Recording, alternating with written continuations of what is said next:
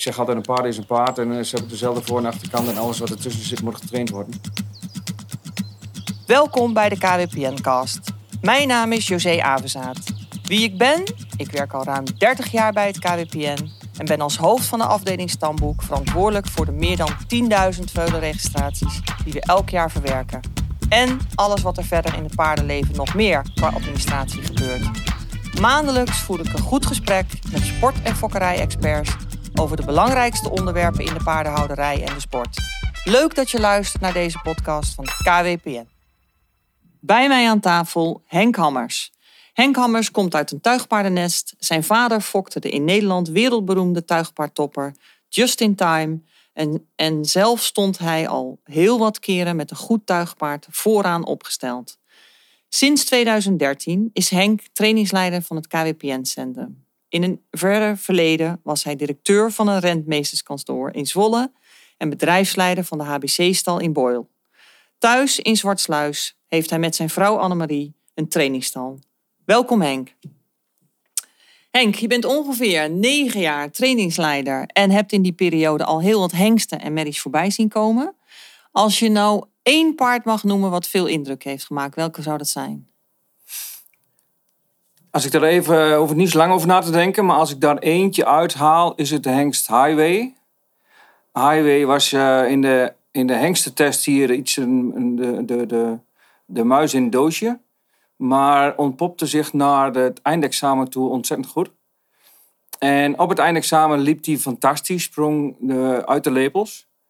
En het mooie daaraan vind ik, als het nu gebeuren moet op het Nederlands kampioenschap, dan is hij er. En moet het gebeuren in Rotterdam, dan is hij er. Dus dat vind ik mooi van hengst. Als het moet gebeuren.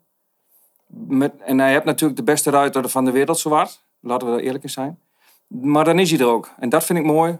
Dat een paard met zoveel karakter, op zo'n hoog niveau, dat nog steeds waar maakt. Dus eigenlijk zeg je, als ik vraag en waarom uitgerekend dat paard, omdat je zegt eigenlijk was het hier een grijze muis.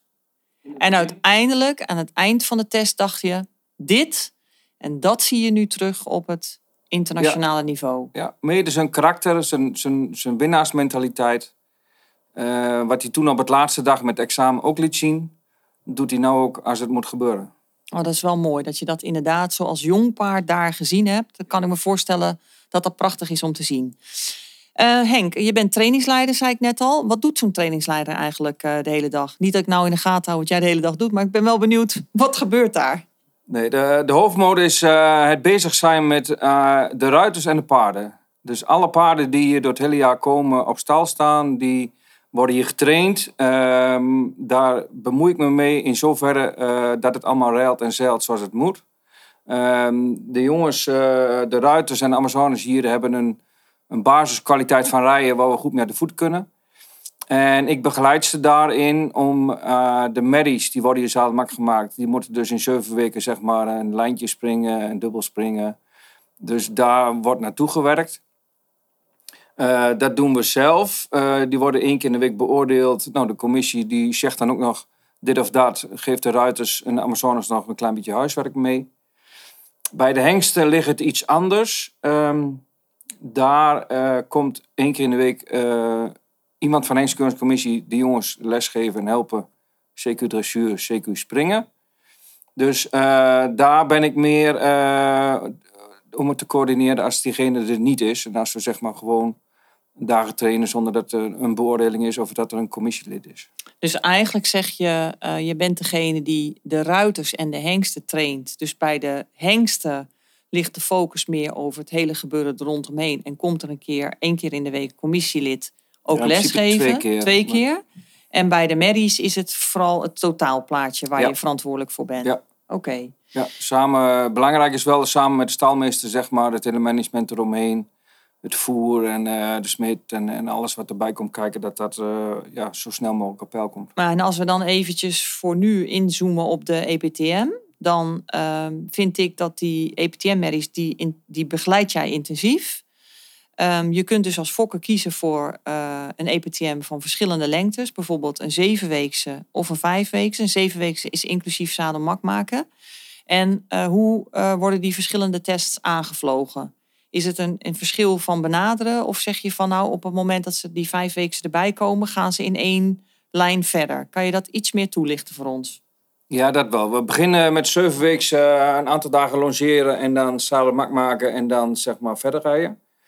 Dus die twee weken later, als de vijf weken uh, ingestroomd worden, dan, dan proberen we wel op één lijn te zitten dat zeg maar alles gewoon op hetzelfde niveau verder kan. En hoe kunnen die, uh, kijk, want ik kan me voorstellen, die vijf weken ze worden voorgereden. Hè? Ja. Dus daar heb je al een goed beeld bij de eerste, zeg maar, als ze binnenkomen. Ja. Bij die zeven weken is dat natuurlijk een heel ander verhaal. Um, hoe kunnen die fokkers die merries voor die zeven weken het beste voorbereiden? Het mooiste is als die zevenweekse merries uh, goed gelongeerd zijn. Uh, goed in een basisvoeding zitten, dus toch wel een beetje gevoerd zijn. Dat ze uh, niet mensenschuw zijn, maar dat ze gewoon makkelijk in de omgang zijn en een basisconditie hebben. Dan kunnen wij al vrij snel ermee verder. En kan je dan, want ik neem aan dat er echt wel verschil is tussen het aanleveren van die zeven weken. Dus de een doet dat gewoon keurig netjes en heeft zijn huiswerk thuis gedaan. Klopt. De ander niet. Um, kan je dan ook gewoon zeggen, de kans van slagen als iemand zijn huiswerk netjes heeft gedaan, is serieus, reëel aanwezig? Ten opzichte van degene die denkt, ik deponeer ze daar en ze zoeken het maar uit? Ja, er zit wel verschil in. En gebeurt dat nog vaak? Ik deponeer ze daar en ze zoeken het maar uit? Ja, gebeurt toch nog wel eens. Dat, dus eigenlijk dat vind ik wel jammer dat de mensen daar niet dan even wat aandacht aan besteden. Dat ze de basisconditie beter voor elkaar is, dat ze iets handzamer zijn, dat ze iets makkelijker zijn.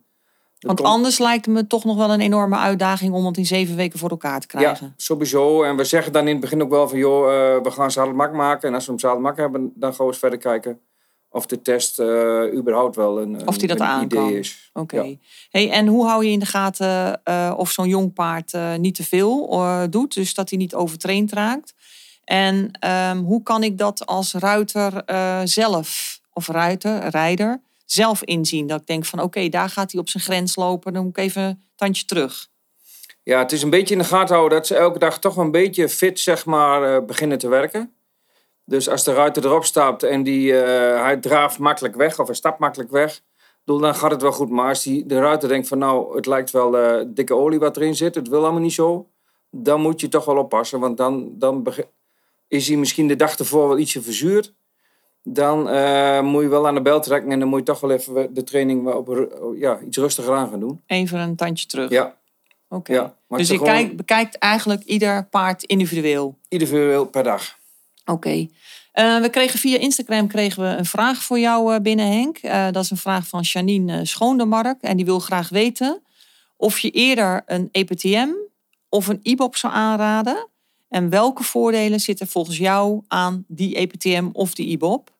En um, zeg je van nou voor die merrie zou ik kiezen voor de EPTM en voor die merrie zou ik kiezen voor de IBOP. Kan je dat zeg maar specificeren?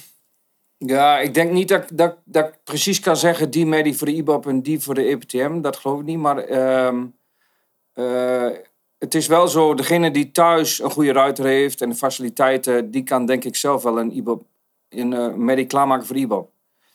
Maar als je thuis niet alle faciliteiten hebt om te rijden, dus je moet alles uitbesteden, dan is een EPTM denk ik wel heel voor, voorradig. Uh, hier ja, hem Salamak. We zien ze, de jury, ziet ze de laatste vier weken, zeg maar. Dus die beoordeelt ze ook vaker. En die ziet ze vaker als bij een IBOP. Dus in een IBOP moet je het geluk hebben dat de, de dag zelf uh, het paard in goede doen is. Dat er geen uh, rare dingen in één keer gebeuren. Um, dan heb je kans van slagen bij een IBOP. Maar het voordeel met de meditest is dat de jury uh, het paard vier keer ziet. En dan kan het wel een keer een mindere dag hebben. Maar als de keer erop weer beter is, dan ja, dan, dan weet je wel dat een ook beter kan. En dan wordt hij niet direct afgeserveerd. Dus eigenlijk zeg je, doordat er meerdere beoordelingsmomenten zijn, vind je de EPTM als selectiemiddel eigenlijk wel een mooi middel? Ja, je kunt het dan toch beter bekijken, ook voor de jury, omdat die ze vaker zien. En ze toch zeven weken op dezelfde manier, onder dezelfde omstandigheden getest worden en gereden worden. En zeg jij na al die negen jaar zit je hier nu al, dat, altijd de, bij, dat altijd de betere merries komen bovendrijven? Ja, over het algemeen wel. En zie je die dan zelf uh, regelmatig ook nog terug op concours? Ja. Dat je denkt, hé, hey, die hebben wij in de test gehad. Merries, uh, toch wel in de WK merries, of WK paarden dressuur lopen wel een aantal merries in die hier geweest zijn. Eh, bij de springpaarden lopen toch een aantal merries heel hoog eh, Grand Prix niveau die hier geweest zijn. Dus er zijn best wel een heel aantal paarden die hier geweest zijn die het toch later ook heel goed doen. Waar je aan de basis hebt gestaan van dit succes van die Ja. paarden, zeg maar. Ja. Dat is wel leuk. Ja, dat is mooi. Hey, en eh, EPTM gaat over eh, training van jonge merries. Ehm, ik denk dat we kunnen stellen dat de hengsten die het verrichtingsonderzoek lopen... eh, over het algemeen wat verder zijn qua africhting. Bestaat er een verschil in africhting tussen hengsten en merries? Nee, de, de hengsten die, die, die zijn al, voordat ze hier komen, ze waren al een jaar in training. Zie je, en dat is wat anders dan een merrie die hier in zeven weken alles doen moet. En een maandje misschien voor die tijd getraind zijn. Ja, Dus, dus op zich is de training van hengst en merrie niet anders. Hoewel een hengst heeft natuurlijk iets meer, ehm, ja, iets meer praatjes en is wat dominanter. Dus daar moet je echt wel ook met je ruiters wel eh, rekening mee houden. Ja, en die zijn natuurlijk al zo lang in training dat die ook wat, wat- die zijn sterker. Die hebben meer uithoudingsvermogen. Die, ja, die zijn wat brutaler. Dus in dat opzicht zit daar wel verschil in. Maar de training op zich niet. Ik bedoel, dat is hetzelfde. dat is hetzelfde. Maar je zegt al, ze zijn eh, verder al in de africhting. Nou, het verrichtingsonderzoek, zei je zegt, die zijn wat brutaler. Misschien zijn de eigenaren ook wel wat brutaler. Ehm er zit een veel meer druk achter natuurlijk. Eh, ervaar jij die druk wel eens eh, als vervelend in je werk? Of dat je zegt van, hoe ga je er eigenlijk mee om? Nee, eigenlijk niet. Ik, ik, ik kan dat vrij goed naast me neerleggen. Ehm, als de eigenaren komen, denk ik ook wel dat ik het vrij goed uit kan leggen. Hoe het zit en wat er aan de hand is. En, ehm, want sommige hengsten dekken voor die tijd heel veel. Dus dan denk je van ja, het moet gebeuren. Maar het nadeel aan veel dekken is dat hij eh, lichamelijk toch ook aardig op zijn sodemieter heeft gehad. En dat wil dan hier nog wel eens een keer naar buiten komen. Dat ze zeggen van ja, je hebt wel veel gedekt. Maar nou moet je toch een beetje eh, erop toegeven. Want dat had hij misschien net niet aangekund. Ja, want ik wou net zeggen, dat levert natuurlijk ook heel vaak de kritische geluiden op. Ja. En eh, dan denk ik, en heb je dan wel de ervaring dat als je daar een beetje een goed gesprek over hebt, want misschien hoef jij dat gesprek wel niet te voeren, weet ik niet, maar dat je dan zegt van ja, dan begrijpt die hengsteneigenaar het uiteindelijk wel. Ja.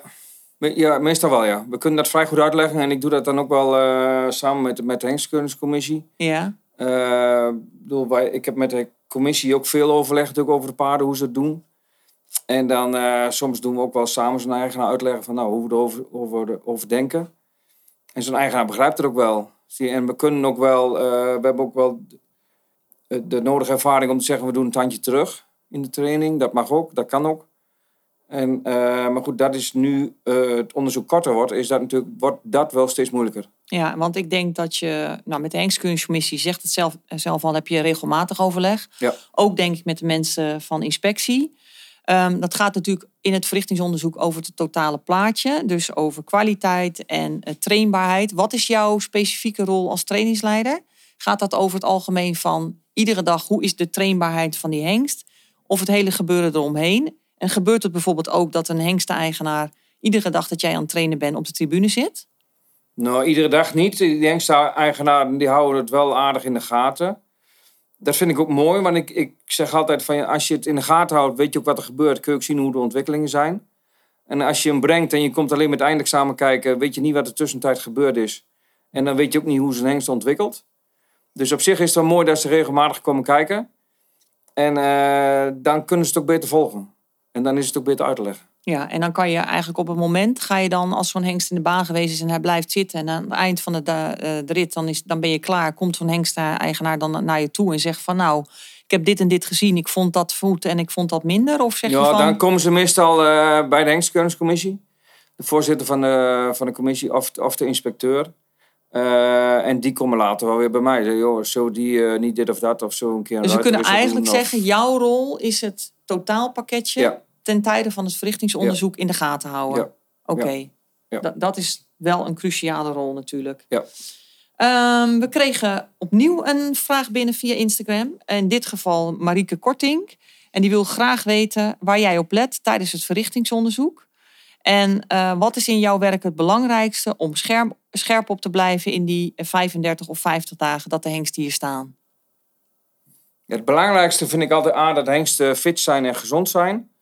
Dus de kleur en hoe beginnen ze. Als ze aandraven, dan kun je al vrij snel zien van joh, hij zit wel of niet goed in zijn vel.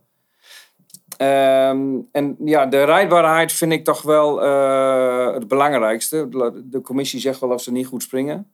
Maar de omgang en de rijdbaarheid en, en hoe zijn ze te rijden en, en, en zijn ze makkelijk na te rijden, dat is voor mij wel belangrijk. Ja, en daar letten we ook wel erg op. Ja, dus dat is gewoon een cruciale rol voor jou. Ja.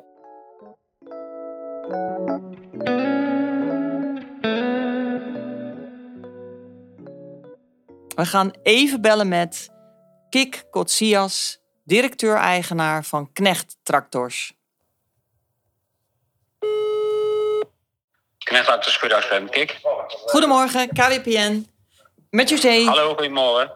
Met José. We willen graag even een paar vragen aan je stellen, Kik. Over uh, zeg maar uh, de mooie tractoren die je bij ons op het centrum hebt uh, lopen. Schik dat even? Ja, dat is... ja zeker. Geen Super. Probleem.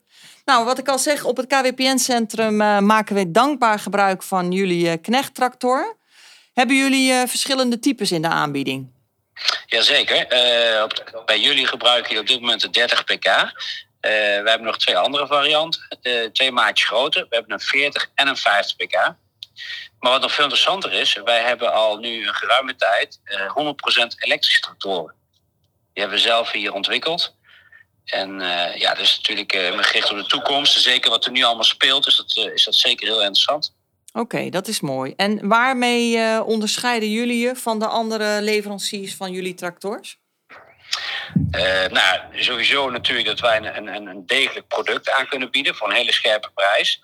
Alleen waar wij ons denk ik in, in onderscheiden is het feit dat wij echt op maat gemaakte producten bouwen. precies voor de klant, voor de, voor de waar de klant de tractor voor nodig heeft. Dus wij, uh, als wij een tractor verkopen, dan, uh, dan bespreken wij met de klant hè, wat zijn de werkzaamheden die hij ermee wil doen. En dan bouwen wij echt een tractor specifiek naar de wens van de klant. Dus tractor op maat, dat, zelfs dat bestaat al. Ja, Oké, okay, super. Hoe zit het uh, met de financiering van zo'n knechttractor? Dat kan, dat kan zeker. Wij werken samen met de, de Lage Landen, of DLL. Het is een, een, hele grote financiersmaatschappij uh, wereldwijd. Die zijn gespecialiseerd in de agrarische producten. En daarmee uh, kunnen wij ja, samen met de klant en op maat gemaakte financiering aanbieden. Mensen kunnen dan kiezen de looptijden, willen ze een, een bedrag aanbetalen, willen ze een slottermijn. Dat is allemaal mogelijk. Is dat ook een beetje vergelijkbaar in de autobranche met leasen van zo'n tractor, of dat niet? Ja, alleen is vaak leasen wel, uh, je hebt vaak maar één of twee mogelijkheden. En, en hier zijn de mogelijkheden eigenlijk uh, zeer uitgebreid. Je bent veel flexibeler met dit. Je kan eigenlijk alle kanten op. Als je, ja. Jullie bespreken de wens met de klant en dan gaan jullie kijken hoe jullie daar vorm aan kunnen geven. Ja, precies. Ja, ja want niet ieder bedrijf is hetzelfde natuurlijk. Hè. Ze hebben allerlei andere budgetten, uh, andere werkwijzen. En, en ja, daar passen wij ons aan aan. Of tenminste wij in samenwerking met de DLL. Hey, en als mensen door uh, zeg maar dit gesprek interesse hebben of graag meer informatie willen verkrijgen, hoe kunnen ze dan bij jullie terechtkomen? Nou, ze kunnen altijd contact met ons opnemen, direct of indirect, dus via de mail of via de telefoon. Uh, in eerste stap kunnen ze natuurlijk naar onze website, daar staan alle producten goed omschreven, inclusief de prijzen. Maar wij stellen toch altijd prijs als mensen direct contact met ons opzoeken, omdat we dan uh, samen kunnen bepalen ja, welk product het beste bij de klant past. Dat lijkt Om een idee te geven, hè, wil je een tractor met een voorlader? Ja, welk model wil je dan? Hoe zwaar is het gewicht dat je moet kunnen tillen? Of, of hè, wat, wat voor, hoe zwaar is jouw bodemvlakken? Al dat soort dingen, die moeten we even samen bespreken. En op basis daarvan kunnen we bepalen van nou, je moet een 30, een 40 of een 50 pk hebben. Of een elektrische. Dus alles aangepast aan de wensen van de klant. Nou, klinkt goed. Ja. Dank je wel voor je toelichting. Nou, heel graag gedaan. Hey, en uh, we zijn natuurlijk in het verrichtingsonderzoek is uh, door de jaren heen uh, korter geworden. In het buitenland zien we dat de hengsten steeds korter getest worden, dus nog korter dan hier. Wat vind je daarvan? Is korter testen een goed idee? Um, of vind je het eigenlijk zonde van het systeem wat we in Nederland hebben, hadden? Ja, ik denk dat het systeem in Nederland heel goed is. Of goed was en goed is. Ja. Maar ik denk niet dat het nog korter moet. Want ik zei net ook al, we hebben geen ruimte meer om een paard zeg maar even iets gas terug te nemen om iets uh, weer op krachten te laten komen. Dat kan in deze periode, kan dat niet. Dus en als we iets meer tijd hebben, uh, zoals het eerder was, een week of vijf uh, tot zeven, dan kun, je wat, dan kun je een keer gas terugnemen en je kunt een keer even lekker doortrainen. Het is nou, met drie weken is wel kort en je moet echt opletten wat je doet. Je hebt je- eigenlijk geen ruimte om in te spelen op de, Nee, je hebt geen maar, ruimte de vorm voor, van de om dag. concessies te doen. Nee, precies. En vind je dat dan in het eh, kader van welzijn? Vind je het dan eh, positieve ontwikkeling, die test korter? Of zeg je van nou, in het kader van welzijn zou je ook kunnen zeggen... het is geen goede ontwikkeling, want dan kan je die hengst... als je zou zeggen, hij moet even een tandje terug... heb je die ruimte niet. Nee, daarom. En ik denk zeker niet dat het eh, een goede ontwikkeling is om het korter te doen. Zeker niet voor het welzijn. Want als je het korter doet, eh, hoe korter je het maakt, hoe meer dat een eigenaar thuis gaat doen. Ja, Is ja, om hem Dus gewoon om hier hem op gewoon en helemaal klaar te hebben en misschien nog wel meer als klaar. Dus dat niet. Ik denk als een, een eigenaar thuis gewoon normaal, op een normale goede manier een jong paard op kan leiden. En dat hij dan hier kan komen. Dat we het in een aantal weken, eh, ja, vijf of zeven weken kunnen zien. En lekker kunnen trainen. Daar hebben we meer aan. Daar hebben het paard ook meer aan. Als dat je het korter maakt en de eigenaar thuis nog meer moet doen. Ja, en, eh, dit is natuurlijk, jij bent iemand die in zoveel jaren al eh, zoveel paarden langs heeft zien komen. Dat, dat je ook weet hoe het gesteld is met het karakter en de rijdbaarheid. Ehm, want je werkt natuurlijk met heel veel nakomelingen van al die hengsten die hier al eh, gekeurd zijn. En hoe is het eigenlijk volgens jou eh, met die rijdbaarheid gesteld in Nederland? Ja, op zich wel goed. Ehm, eh, ik denk dat het ook wel steeds beter wordt. Er wordt natuurlijk ook aardig op geselecteerd. En ehm, ja, de ruiters worden ook wel steeds beter. Dus hoewel we bij de jonge paarden goed moeten opletten dat we toch echt de goede jonge paarden bij de, ook wel bij de betere ruiters neerzetten, dat ze een, een goede opleiding krijgen. Maar het is wel mooi om te zien dat die hengsten die we hier gehad hebben, dat die dan zeg maar weer nakomelingen hebben. En ja, sommige nakomelingen hebben toch wel dezelfde trekjes als, Karaktertrekjes als de vader? als de vader. Dus eh, dat is wel mooi om te zien.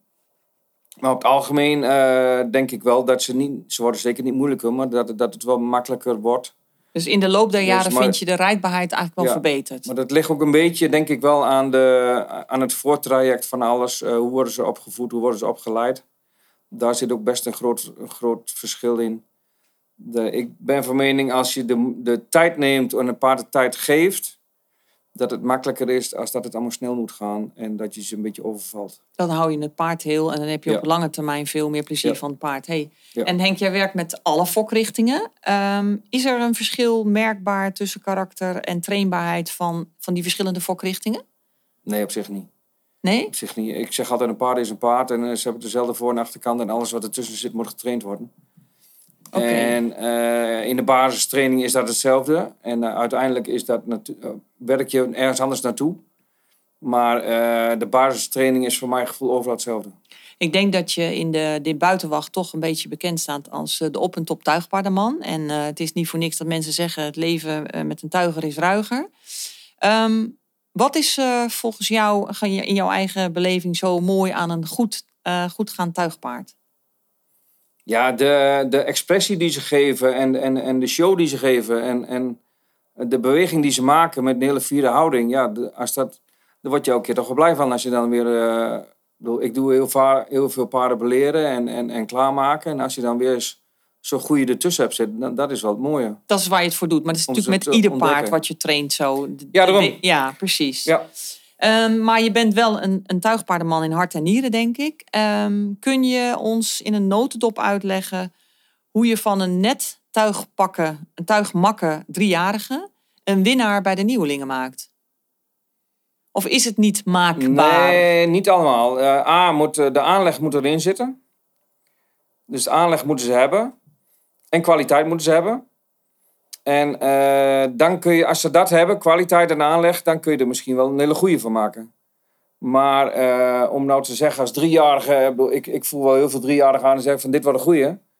Eh, maar het, het verschil tussen een goeie en een winnaar op het tuigpaardendag, die, ehm, daar zit nog wel wat verschil tussen.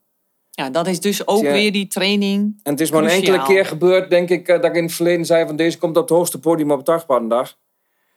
En ehm, ja, dat was met Lindrini, die het nou zo goed doet. eh, toen ik die de eerste keer voor de kar had, heb ik dat ook gezegd. En, eh, maar die doet het nog steeds goed. En, en ja, maar goed, tussen de goede en de goede zit wel verschil in. En de goede kun je best ver maken. En, en de goede met een goed karakter en, en een goede mentaliteit maak je een winnaar van. Oké. Dus als we zeggen een nieuweling is eh tuigpaard jonger dan zes jaar, hè? dat Ja. nog geen plaatsingspunten heeft in het enkelspan. En als we dan zeggen, wat moet je qua training dan doen om van die winnende nieuweling een goed ereklassepaard te maken? Want dat is dan weer een gradatie hoger. Ja, meerdere gradaties. Want Ja? de ereklasse staat het hoogste niveau bij ons. Dus je hebt eerst van een nieuweling heb je nog kleine limiet, grote limiet. En vanaf de grote limiet ga je door naar de ereklasse. ja, dus er zitten heel veel stappen Er tussen. zitten heel veel stappen Ja. tussen en, en er zit tijd tussen. Ik bedoel, tijd is, is vaak de, de beste raadgever. Ehm, in die tijd kun je ze doortrainen, kun je ze sterker maken, meer ontwikkelen. En De, en alle positieve punten, die, dan, die moeten er beter uitkomen. Dus eigenlijk zeg je, het is ook weer de hele ontwikkeling van dat paard. En dan moet je de tijd en de ruimte voor nemen om Ja. dat paard die, Ja. die mogelijkheid ook te geven. Er gaat tijd in zitten. Hey, en bestaat er volgens jou een eh, groot verschil tussen de training van een dressuurpaard of van een tuigpaard? Of zeg je van het zijn vooral overeenkomsten? Heel veel overeenkomsten. En de training op die manier is natuurlijk wel een hele andere. Nou, in principe eerst niet. Ehm je een dressuurpaard, die doe je veel onder zalen rijden en dressuurmatig rijden, dat hij eh, losser wordt en sterker wordt. Maar een tuigpaard doen wij op dezelfde manier eh, voor elkaar dressuur rijden, dat hij losser wordt en sterker wordt en gehoorzamer wordt. Ja, maar ik kan me toch voorstellen dat jij, kijk, als je op dat paard zit, dan voel je dat paard onder je. Jij zit erachter. Dus dan denk ik, hoe krijg je dan dat goede gevoel?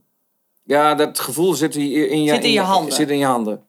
Oké, dus dat is echt dus een ik kwestie zit er niet op, maar ik voel, eh, als ik erachter zit, voel ik hetzelfde eh, als een dressuurruiter die erop die zit. erop zit. Dus dan is het toch wel, ja, dat heeft alles te maken met gevoel. En kijk, want kijk, jij ziet dat beeld niet, je zit erachter. Dus je ziet wel van de achterkant hoe dat paard gaat, Ja, maar niet, niet van het totaalplaatje. Nee. Oké.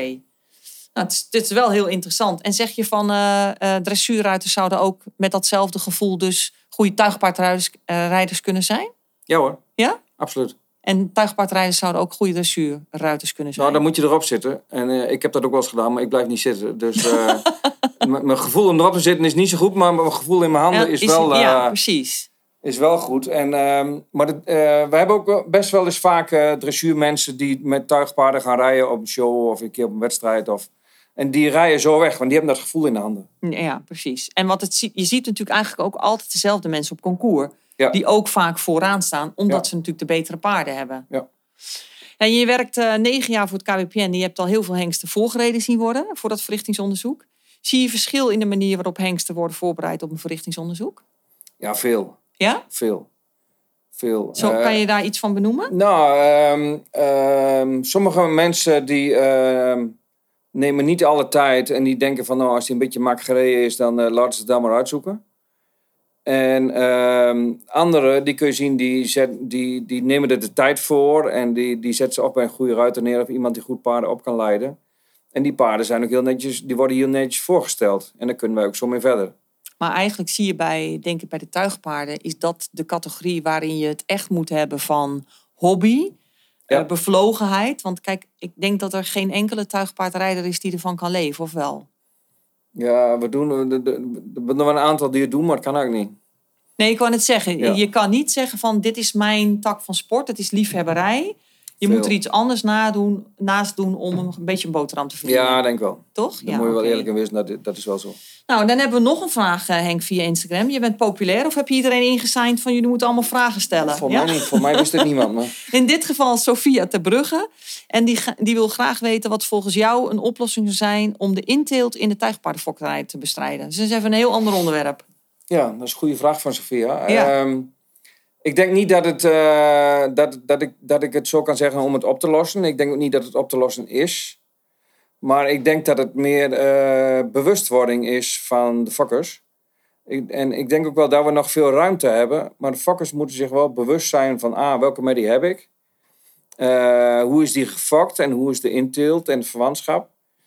En als ik, ze moeten zich bewust worden dat ze iets, iets breder gaan kijken, ook in onze eigen hengstenstapel wel, dat is best mogelijk, naar laag verwante hengsten.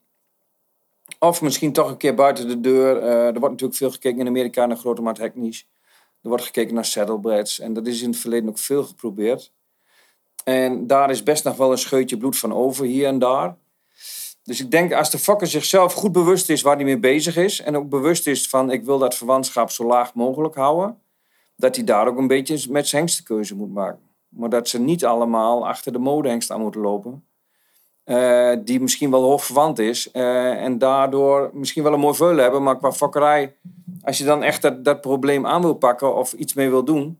Ja, dan moet je toch een keer of iets water bij de wijn doen. Maar dan moet je dat toch wel terdege bewust van zijn wat je doet. Maar het is natuurlijk wel zo, omdat het al zo'n kleine kern is. En die weten natuurlijk allemaal wat een goed tuigpaard is. Kom je heel snel bij dat spectaculaire tuigpaard uit. Die willen ze natuurlijk allemaal hebben, gebruiken. Dus Ja. het, is, het is ook best, wel, omdat het een kleine kern is, een, een complex probleem, denk ik dan. Ja, en je ziet ook, eh, ik, het verschil zie je wel. Oudere mensen die, die kijken helemaal niet zo naar, die pakken gewoon eh de hengst die, die, die, alles wint. Eh, maar de jongere generatie fokkers, die wil nu toch wel een keer zeggen van, ik pak even een andere hengst, die is misschien minder in de mode, maar ik heb over tien jaar wel een, kan ik weer verder, want dan zit ik lager in mijn verwantschap. Ja, oké. dus de toekomst, eh, dat gaat goed komen. Ja, ik, Met de ja, jonge generatie fokkers. Ja. Oké. Hey Henk, en je hebt eh, een trainingsstal in Zwartsluis. ehm, met onder meer volgens mij tuigpaarden, Friese, menpaarden en springpaarden. Hoe ziet dit, eh, die stal er precies uit? Ja, we hebben 14 boksen en die, over het algemeen staat die gevuld met tuigpaarden. Het zijn concourspaarden, het zijn keuringspaarden, het zijn paarden om te beleren. En eh, een aantal, mijn vrouw deed springpaarden rijden, maar door de kinderen is daar nu niet altijd meer voor, dus die heb dat op een laag pitje gezet. En we hebben natuurlijk door een aantal Friezen, eh, of voor de wedstrijd of voor de IBOP. En we doen nog wel jonge paarden, ook wel beleren, jonge springpaarden, ook nog wel eens een keer opzoeken en beleren. Maar goed, dat is op dit moment niet zo druk mee. Maar tuigpaarden is op zich wel, Dat blijft gewoon doorgaan. ja, Hey, en hoe ziet dat dan, eh, hoe combineer je dat met je werk hier? Hoe ziet jouw eh, dagindeling eruit, zeg maar? ja eh, vroeg opstaan. En eh, hier beginnen we altijd om acht uur te rijden met de jongens in Ermelo. Eh, en als we de stallen vol hebben, dan zijn we zeg maar eh, rond één uur wel klaar. En dan hoef ik hier in Ermelo niet zoveel meer te doen, dus dan ga ik naar huis. Dus dan ben ik rond de midden op de middag thuis. En dan kan ik mijn eigen En dan ga je daar door met de training. Want eh, Ja. ja. in de zomer is natuurlijk bijna ieder weekend concours. Ja, alle weekenden. En tussendoor keuringen en van alles. Dus Dat maakt het wel een druk, maar vooral ook wel veelzijdig bestaan, Ja, denk ik. Of zeker. niet? Ja. Ja. Nou, dat is eh, denk ik een leuk inkijkje, Henk, eh, in het dagelijks eh, leven van jou als trainingsleider. Ralf, goedemorgen. Het valt mij op dat je er bijna een gewoonte van gaat maken dat is als ik aan het opnemen ben, dat jij ertussen wil komen. Ja, José, dat klopt misschien ook wel. Want ik wil ook graag gebruik maken van het podium wat jij hier eh, creëert met eh, deze podcast. En ik hoorde dat jullie het over de tuigpaarden hebben. Maar we hebben natuurlijk ook nog springpaarden. En op 29, 30, 31 augustus vindt in Valkenswaard bij Tops International Arena de Blomcup plaats. Natuurlijk het KPN-kampioenschap voor 4, 5, 6 en 7-jarige springpaarden. En luisteraars, hebben jullie nog niet ingeschreven? Doe het dan snel. Meer informatie is te vinden op de KPN-website. Het is voor onze leden, dan is het altijd goed. Dankjewel, Ralf.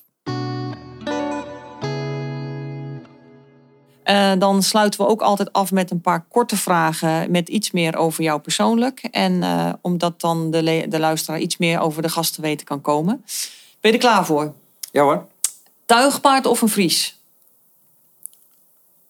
De keuze moet gemaakt worden. Oké, tuigpaard, Sushi of stampot? stampot, Tuigpaardenconcours of vakantie? tuigpaardenconcours, Strandvakantie of bergbeklimmen? strandvakantie, Je moest er even over nadenken. Formule 1 of voetbal? Eh, voetbal, Ereklasse of nieuwelingen? nieuwelingen, Finale der nationale of hengste, hengstencompetitie rijden? finale de nationale, Facebook of Instagram? geen van twee, Patat op concours of thuis eten? thuis eten, All you can eat of een Michelinster? Eh, all you can eat. Dankjewel Henk voor dit leuke gesprek. Graag gedaan.